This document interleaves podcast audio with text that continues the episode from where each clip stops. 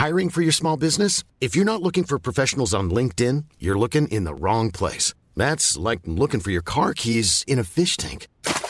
LinkedIn helps you hire professionals you can't find anywhere else, even those who aren't actively searching for a new job but might be open to the perfect role. In a given month, over 70% of LinkedIn users don't even visit other leading job sites. So start looking in the right place. With LinkedIn, you can hire professionals like a professional. Post your free job on linkedin.com slash people today.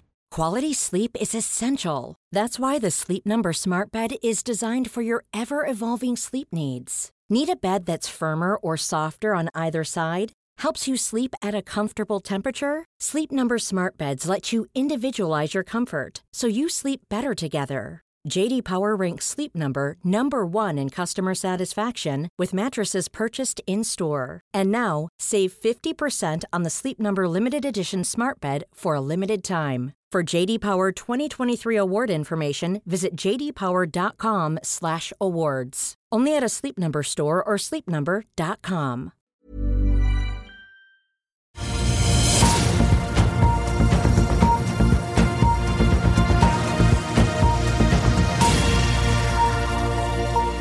Velkommen til Børsmorgen mandag 27.11. Mitt navn er Marius Larsen, og det er duket for en ny uke med inflasjonstall, klimatoppmøte og OPEC-møte.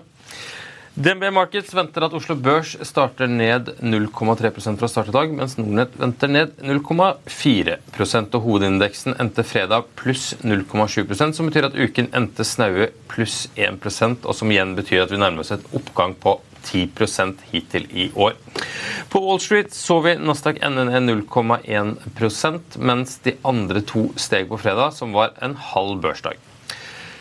Wall Street endte for øvrig i pluss for uken for fjerde uke på rad, og Nasdaq endte uken opp 0,9% Dow endte opp 1,3% og SNP akkurat opp 1% Tiåringen på amerikansk statsgjeld endte fredag på sitt laveste siden september. OPEC-møtet i Wien skulle for øvrig også startet i går, men det er utsatt til torsdag. og Ellers kom det på morgenen en melding fra Argeo, hvor administrerende direktør Trond F. Kranz har gjennom selskapet Ascent kjøpt en million aksjer i selskapet til kurs 3 kroner og 16 øre per aksje.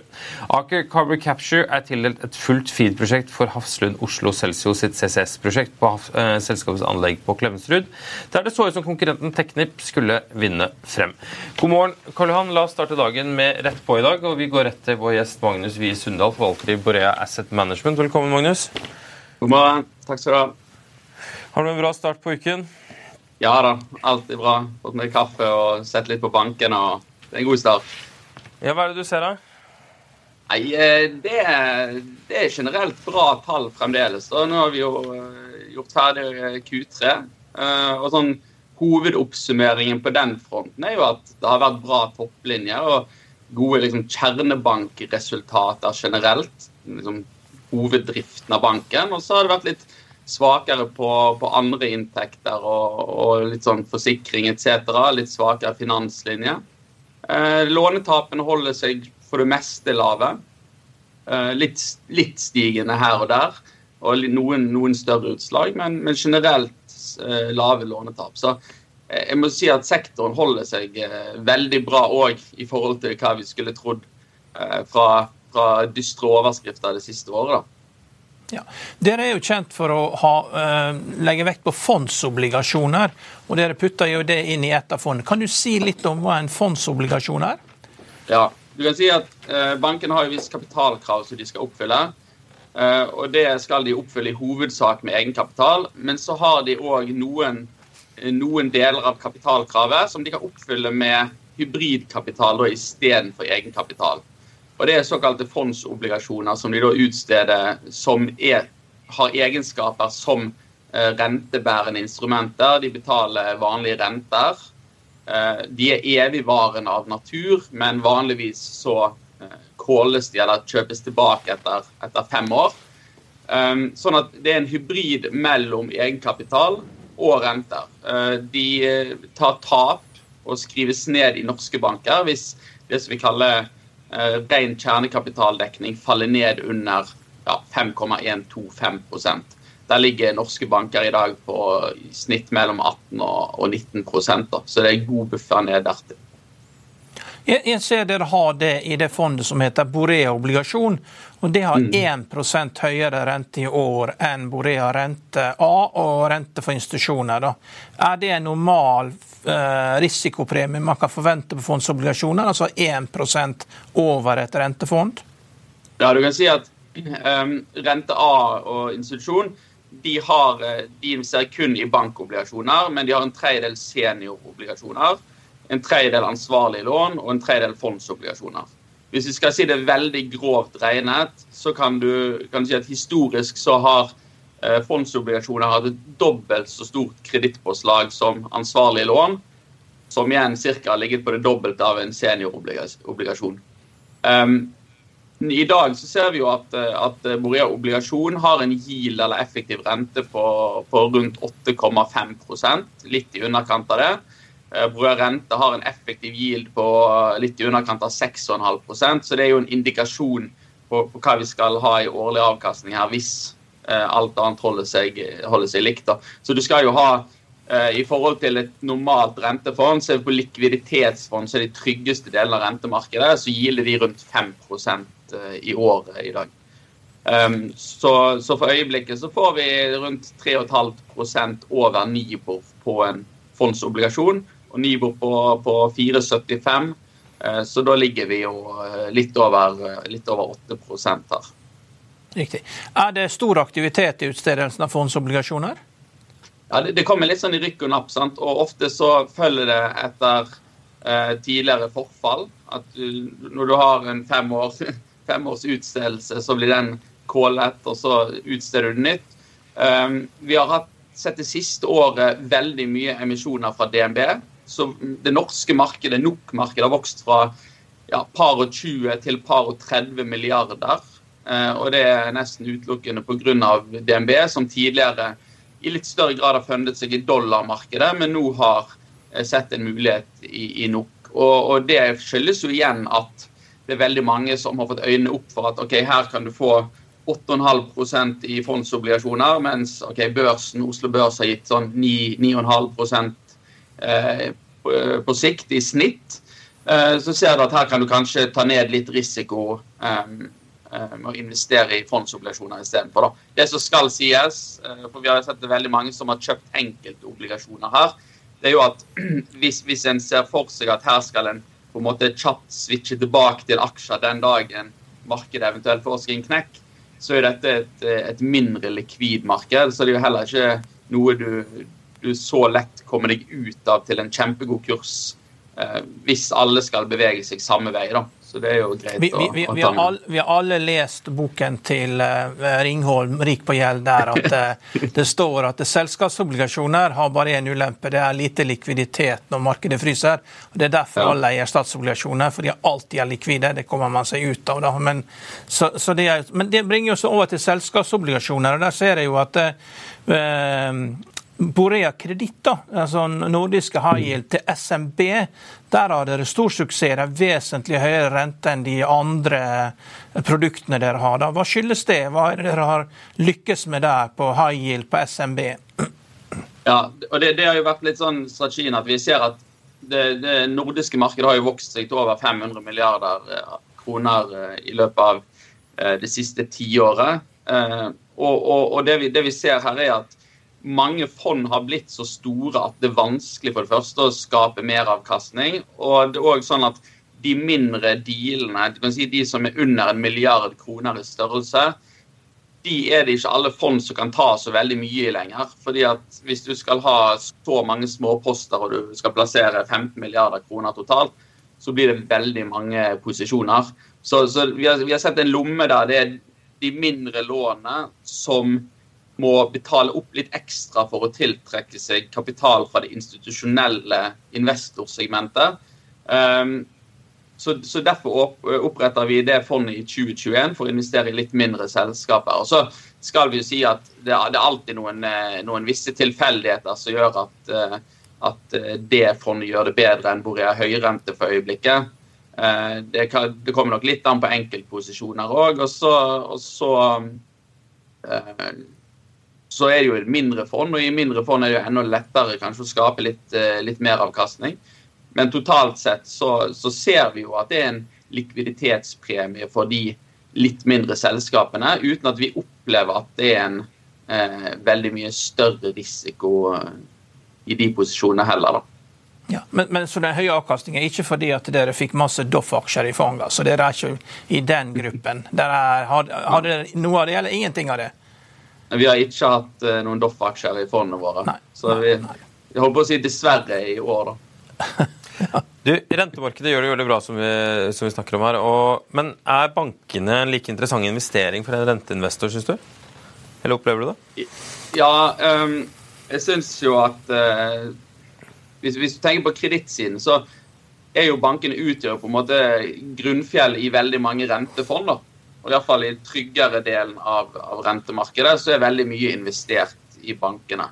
Eh, både i form av boligkreditt, seniorlån eh, og litt ansvarlige lån, fondsobligasjoner. Jeg må jo si at hvis vi bare ser på likviditeten, da, eh, nei, unnskyld, hvis vi bare ser på volatiliteten, så ser vi at Ok, La oss dra tilbake til pandemien. Da falt eh, børsen rundt 33% Vi så high yield-markedet falt rundt 30% Det var kanskje litt eh, spesiell likviditetsskvis. Eh, fondsobligasjoner falt en eh, ja, 12-13% fra topp til bunn. Så, så, du har jo en historisk sett lavere volatilitet. Og med dagens renter så syns vi at det er veldig, veldig interessant. Um, og så kan vi se på kredittstyrken her. sant? Uh, du skal, jo, du skal jo først ha tap som spiser opp hele overskuddet i banken, og så skal du tære på den etter hvert ganske store egenkapitalen før, før vi som kreditorer kommer i en fare for å ta tap. Eh, og der ser vi jo at ok, banken leverer jo 14% avkastning de første tre kvartalene i år.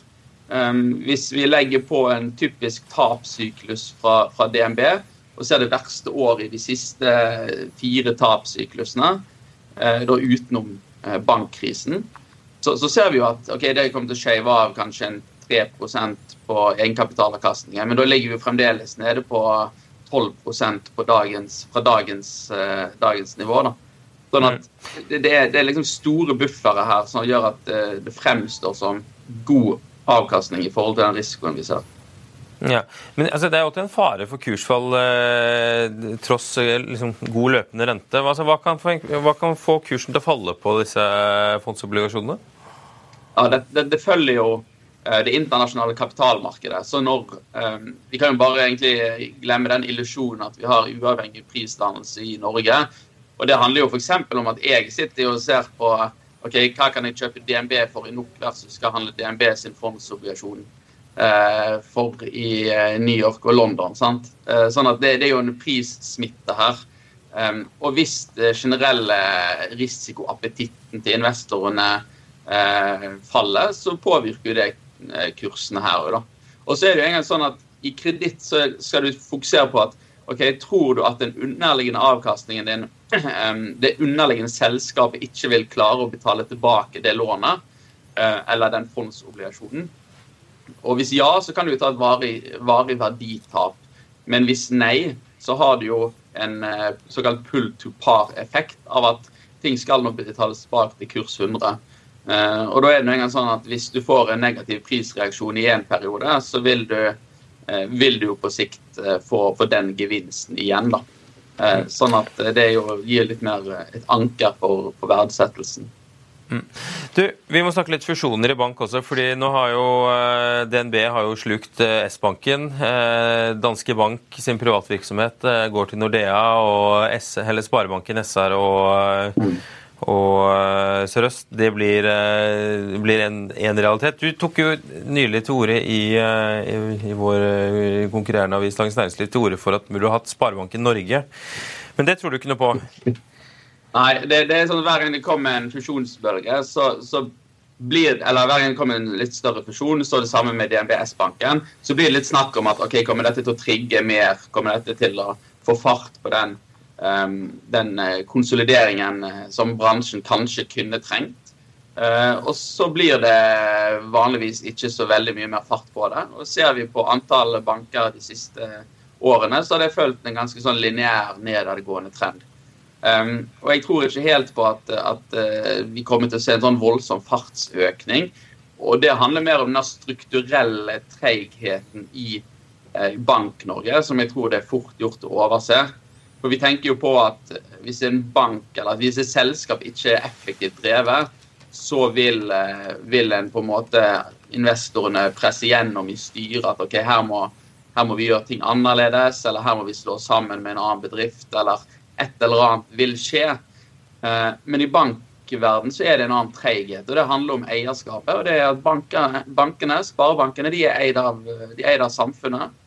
Og da er du enten er du 100% eid av såkalt samfunnskapital, eller så har du egenkapitalbevis, og da er du eid litt av vanlige aksjonærer, sånn som oss f.eks. Eh, men vi har jo heller ikke eh, majoritet i forstanderskap eller styre i eh, generalforsamlingen i banken. Sånn at om vi er misfornøyd, så klarer ikke vi heller å, å få majoritet til å presse gjennom endring. Så det er en strukturell treghet. Og de som sitter med majoritetsstemmeretten her, det er innskyterne, det er de ansatte, og det er lokalpolitikere. Eh, så skal du få en fusjon til å skje, så må du ha de med på laget. En av de bankene som fusjonerer når Sparebank1 SR-Bank, er jo et ASA. De har jo vært ASA veldig lenge. Eh, og Når de begynner å kjøpe, da, så, så kan jo hende at andre ser fordelen med å være det. Kan du forklare litt hva som er forskjellen på Sparebank1 SR-Banks ASA og de andre sparebankene? Hva, hva, er det som gjør at de gjorde dette? her? Hvilke fordeler har de? Hvilke ulemper er det i de andre strukturene med de som er igjen og ikke er ASA? Ja, sant. Eh, det er helt rett som du sier, det er en aksjesparebank. Og da har du da har ikke du de beskrankningene som jeg nettopp, jeg nettopp eh, nevnte. Men eh, kan si eh, Sørøst-Norge, som ble kjøpt opp, eh, der har du jo den strukturen som du har nevnt, at, at eh, der må du ha med deg alle interessentene. den store fordelen med en sånn deal som dette her, det, og Det kan vi egentlig koke ned til de to hovedårsakene, eller to hovedfaktorene du kan, eh, som driver fusjoner. Det er kapital, og det er kostnader. Sørøst-Norge var i en situasjon der de holdt på å skulle søke om en såkalt IRB-modell. Eh, så det var det, mer det som var driveren enn at eh, det var en aksjesparebank, SR-bank. Men de skulle søke om en såkalt IRB-modell, en intern ratingmodell, som skulle gi dem en del kapitallettelser det er et løp som fort ville ta, ta noen år. Um, og de får litt sånn fast track på dette her når de da blir kjøpt opp av SR-Bank, som allerede har denne interne eh, ratingmodellen. Eh, og den andre faktoren vi ser på, er jo, er jo kostnadsbesparelser. Og her fant de jo synergier eh, på rundt 150 millioner. Så det var jo en, var jo en god match. Så det var jo det var mer det enn en aksjesparebank. Eh, Eh, modellen som, som, gjorde dette her til en bra match. Da. Og Hvis vi ser videre nå, så, så ser vi at nå er jo S-banken det var en såkalt standardbank med kapitalulempe, og den kjøpte opp. Da Sørøst-Norge var en standardbank. Eh, den kjøpte opp. Ser vi, ser vi til eh, andre større banker med de kapitalulempene, så er det Sparebanken Øst, det er Sparebanken Sør og det er Sparebanken Møre til dels. Um, og jeg tror jo at de, og, Nå vet jeg ikke helt hva Sparebanken Øst tenker. Sparebanken Sør der gjør jo stiftelsen nedsalget eh, denne uken her. Jeg tar det som et tegn på at det ikke er noe strukturendring der helt med det første. For da kunne de solgt det til eh, si, si Sparebanken Vest, da, og du kunne fått en eh, 700-800 millioner ekstra på de bevisene hvis de hadde fått en litt høyere prising på det. Eh, tilsvarende f.eks. Sørøst-Norge fikk. Um, og Møre òg. De slår meg jo som en eh, Jeg er nest største aksjonær der. De slår meg òg som en bank som vil stå på egne ben eh, så lenge det ikke er nødvendig med en, um, med en, en fusjon. Så du vet sikkert litt om sånn sunnmørsk stahet. Uh, ja, nei, det er altså Sparebanken Møre. De er så redd for tap at de sponser alle fotballdrakter i hele fylket helt opp til Molde. Så da blir det ingen tap når lagene går av banen. Det er null tap, det er målet. Du, vi, eh, vi, skal straks gå videre, men jeg må bare skyte inn et siste spørsmål på slutten. og det er, altså Du som forvalter innenfor fondsobligasjoner, er du nervøs for Du var jo inne på at det, det har vært et litt sånn uh, forventninger til, eh, til, dårlig stemning gjennom året. Men er du, er du, som forvalter innenfor fondsobligasjoner, er du nervøs for næringseiendom? Vi, vi, følger jo alltid med. sant? Jeg tror jo at eh, det er en større fare for aksjekursene og oppsidepotensialet på sikt. Eh, for næringseiendom i Norge så i våre stresstester så skal vi ha si, fem år av bankkrisen på tidlig 90-tall, sent 80-tall. De verste fem årene der legger vi de på om igjen.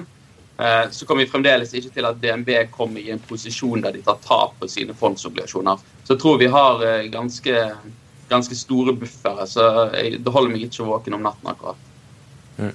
Magnus, tusen takk for at du var med oss på morgenen i dag, og så er vi straks tilbake rett etter dette. Vil du bli oppdatert på det viktigste som har skjedd innen finans og næringsliv? Da er det bare å følge med, for hver morgen er jeg, Marius Lorentzen og aksjekommentator Karl Johan Malnes på plass i studio for å ta tempen på dagens marked i Børsmorgen. Og hver ettermiddag oppsummerer vi alt du trenger å vite i økonominyhetene, og det blir selvfølgelig masse interessante gjester. Klikk deg inn på fa.no-tv, eller søk opp Børsmorgen og Økonominyhetene der du hører på podkast.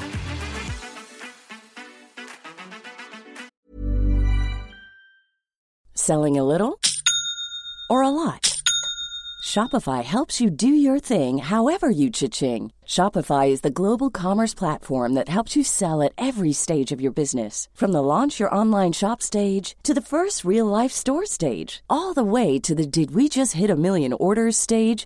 Shopify is there to help you grow. Shopify helps you turn browsers into buyers with the internet's best converting checkout. 36% better on average compared to other leading commerce platforms because businesses that grow grow with Shopify. Get a $1 per month trial period at shopify.com/work. shopify.com/work. I'll see you in court. Vi sier det ofte litt på spøk, men for deg som driver business, er det aldri moro å innse at du ikke har laget en 100 gyldig kontrakt. Du bør ikke risikere hele firmaet ditt fordi du synes dette med kontrakter er litt stress. En avtale er ikke en avtale. Du kan miste kunder, miste venner, ja, til og med miste inntekter om du ikke lager en skikkelig kontrakt, på alt mulig, egentlig. Men vi vet det er et styr. Kopimaskiner, tregprinter og haugevis av papir. Dessuten stoler vi jo på folk her i landet. Det er ofte litt kleint å skulle be om en signatur for alt mulig, ja, for mye av styret handler også om jakten på underskriften. Det finnes en enkel måte å løse dette på, Dukkobit, en trygg, effektiv og get this, gratis måte å sikre seg en god natts søvn pluss en juridisk bindende avtale. Dukkobit-appen har de strengeste sikkerhetskrav i bunn, samt en EU-godkjent og sertifisert teknologi. Framover vil det bli behagelig å spørre du, skal vi skrive under på det, eller? Kom i gang på dokobit.no. Ja, Karan, da er vi tilbake igjen. Du, det er jo litt sånn eh, toppmøtestemning om dagen? Ja, eh, virtuelt toppmøte i OPEC skulle ha vært i Wien, men det ser ut til å bli virtuelt etter hva man hører. Så og så er jo det toppmøte da for klimatoppmøte i Dubai. Da. Det er jo liksom som å legge en avholdskonferanse i Las Vegas. Det er jo litt risikabelt å, å gjøre dette her. Det er et merkelig sted å ha en, et, klima, et klimatoppmøte. Så det, oljeindustrien har jo tatt over klimasaken. Mm. Ja. Hva tror du kommer ut av disse møtene? Det vet jeg ikke. Det er eh, høye mål. og eh, det vi ser, er jo at den ene, den ene, ja, ene edlere hensikten etter den andre går jo i veggen. Så det, man må jo prøve å formulere dette som gjør at man uh, kommer et steg videre. Da. Det er litt vanskelig å skjønne. Men du ser jo Kina de har bygd en 80 mil lang jernbane som skal bare frakte kull til kysten. Så det virker ikke som at det stopper. Altså det, det, den gode tanken med, med, med, å prøve å begrense forurensning på denne måten her er at man klarte å rydde opp i byene ved hjelp av å ha kvoter, og at du har en kvoteordning. Men det er litt vanskelig å få det til eh, på tvers av kontinenter når landene er i krig med hverandre. Mm. Uh, og uh, det er det som er det store problemet. at eh, Det virker ikke som at eh, Kina og India er i ferd med å stoppe med å bruke kull. og Da er det litt eh, Hvorfor skal man da avindustrialisere? og det det er, jo, det er, jo, et større tema, dette. Hvis, du, skal, hvis du spør en amerikaner hvis du, Når kommunismen falt, da, så La oss si du gikk i søvne, da, og så våkner du opp nå, så hva ville vært den største overraskelsen? Jo, det er jo at eh, først USA, og nå kanskje Europa er i ferd med å avindustrialisere, og industriproduksjonen ligger i Kina.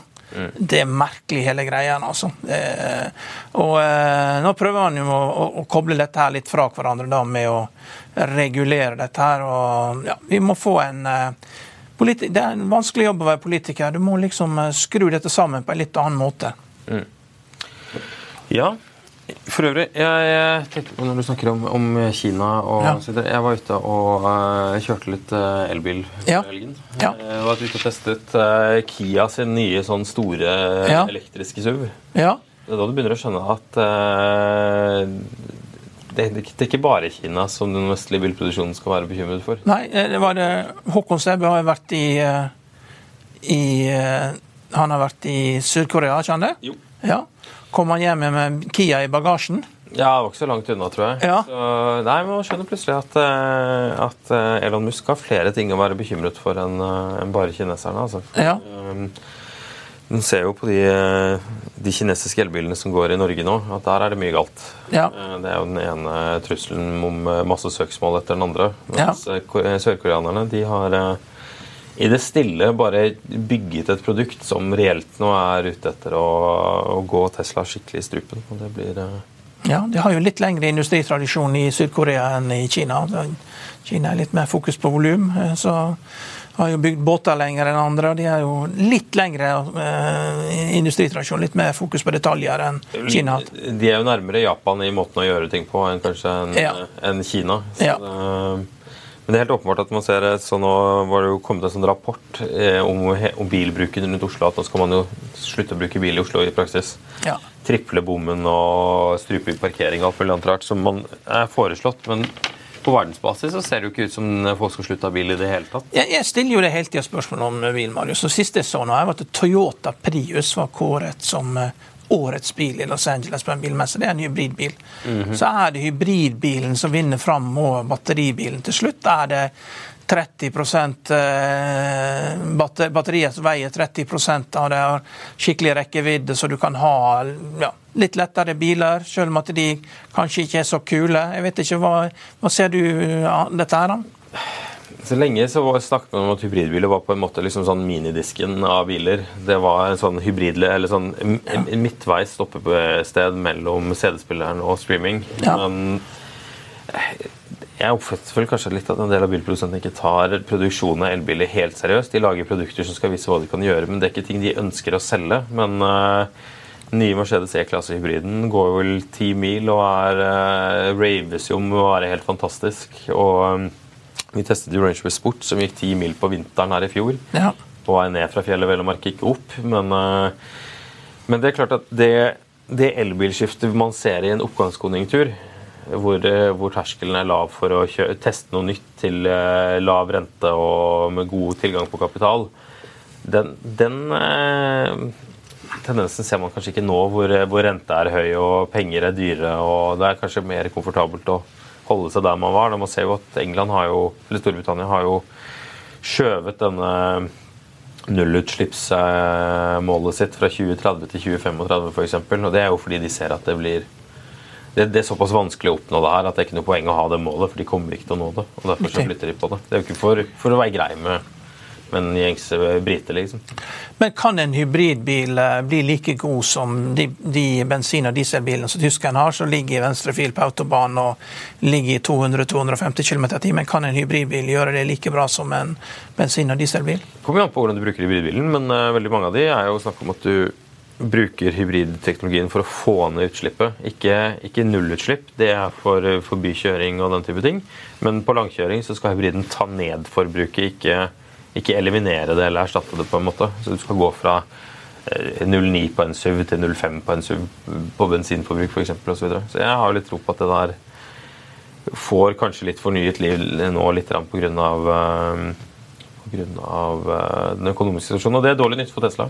Men jeg har jo kjørt en sånn Prius, og jeg kjører jo Tesla. Det jeg føler med hybrid, er at vekten ligger mye høyere i bilen, så den føles mye tyngre å kjøre enn en batteribil. For Fordelen er jo at en batteri blir vekt, selv om den er tung, da, så ligger vekten ganske lavt nede. Så jeg vet ikke om det har noe å si. Jeg. Merke, jo, jo, større bilen er, jo mindre vil du på en måte merke det på, på vekta på bilen, fordi det fordeles i et allerede stort produkt. Jeg, okay. Ta tilbake til disse Golfene som man gikk med før. altså Golf GTE, da, som det heter istedenfor GTI, der merka du godt at det føltes som du hadde en, en, en, svær hund og en tjukk kompis som satt i bagasjerommet ditt hele tiden. Okay. Men altså, det er en oppveiing. da. Det er oppveiing for å spare penger eller eh, få veldig mye akselerasjon eller mye av de tingene. Altså, det er klart at Vi kan ikke snakke om det norske markedet, fordi her er elbilen Det er ikke egentlig det at elbilen er så subsidiert så mye som at vanlige biler har vært så tungt eh, beskattet så lenge at det norske markedet er bare å glemme. Men det tyske markedet, helt åpenbart, eh, det er ikke bygd ut godt nok ladenettverk i resten av Europa. Så det å kunne lade opp ti mil hjemme og så lade opp bensinen for å komme helt frem til Stuttgart etterpå, er jo en, en god mellomløsning inntil videre i alle fall. Nei, Du ser fort av batteriet når du kjører fra Du skal ikke langt ned i Tyskland før batteriet der du må, du må, lade ofte når du kjører fort eh, på autobahn. Kjører du over 100 km i timen, så vil de fleste elbiler allerede, eh, allerede merke at eh, ja. batteriet slittes. Men det der kommer til å bli bedre. Elbiler ja. kommer til å erstatte fossilbiler. Det kommer til å bli eh, bedre enn det er. Men det er ikke det foreløpig, og det ser man jo på kjøpernes Men kan det bli sånn at du får noen biler som bare blir batteribiler? Altså Tesla tar liksom batterinisjen og, og fortsetter å være en bil som dominerer den nisjen med veldig høy markedsandel. Det virker som at det er målet. Men Tesla er jo ledende på elbiler, det er ja. helt åpenbart. De ja. har jo dratt, dratt hele lasta, og de satser jo utelukkende på det. Det er klart at det Tesla har fått til, eh, er jo helt helt spinnvilt. Vi hadde, jo ikke, vi hadde jo ikke konkurrert om elbiler ellers hvis ikke det var for Tesla. Tesla kom inn og tok den plassen.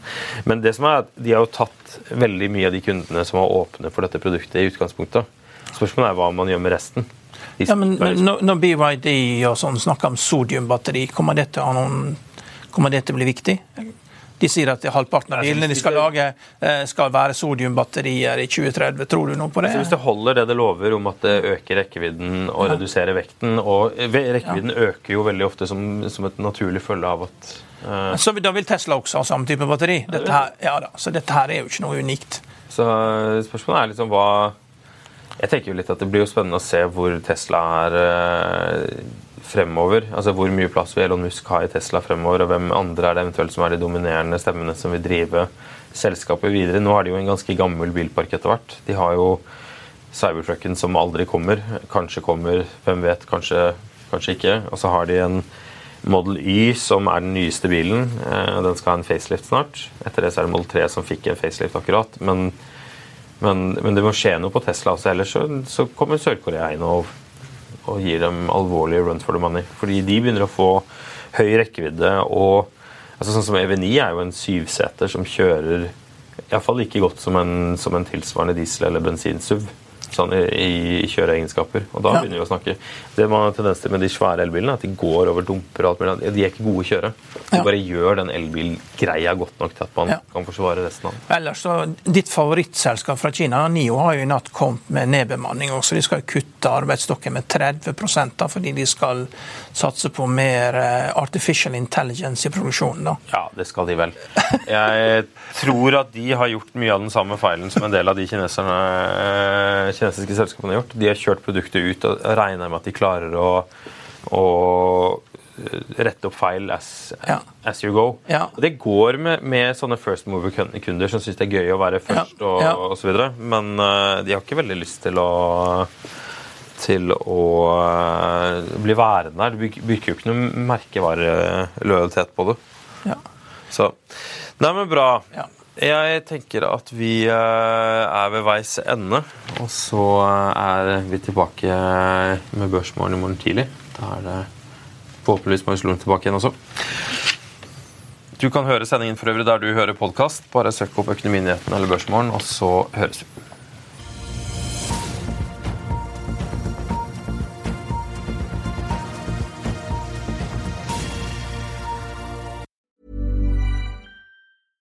Selling a little or a lot? Shopify helps you do your thing however you cha-ching. Shopify is the global commerce platform that helps you sell at every stage of your business. From the launch your online shop stage to the first real life store stage, all the way to the did we just hit a million orders stage. Shopify is there to help you grow. Shopify helps you turn browsers into buyers with the internet's best converting checkout. 36% better on average compared to other leading commerce platforms because businesses that grow grow with Shopify. Get a $1 per month trial period at shopify.com/work. shopify.com/work.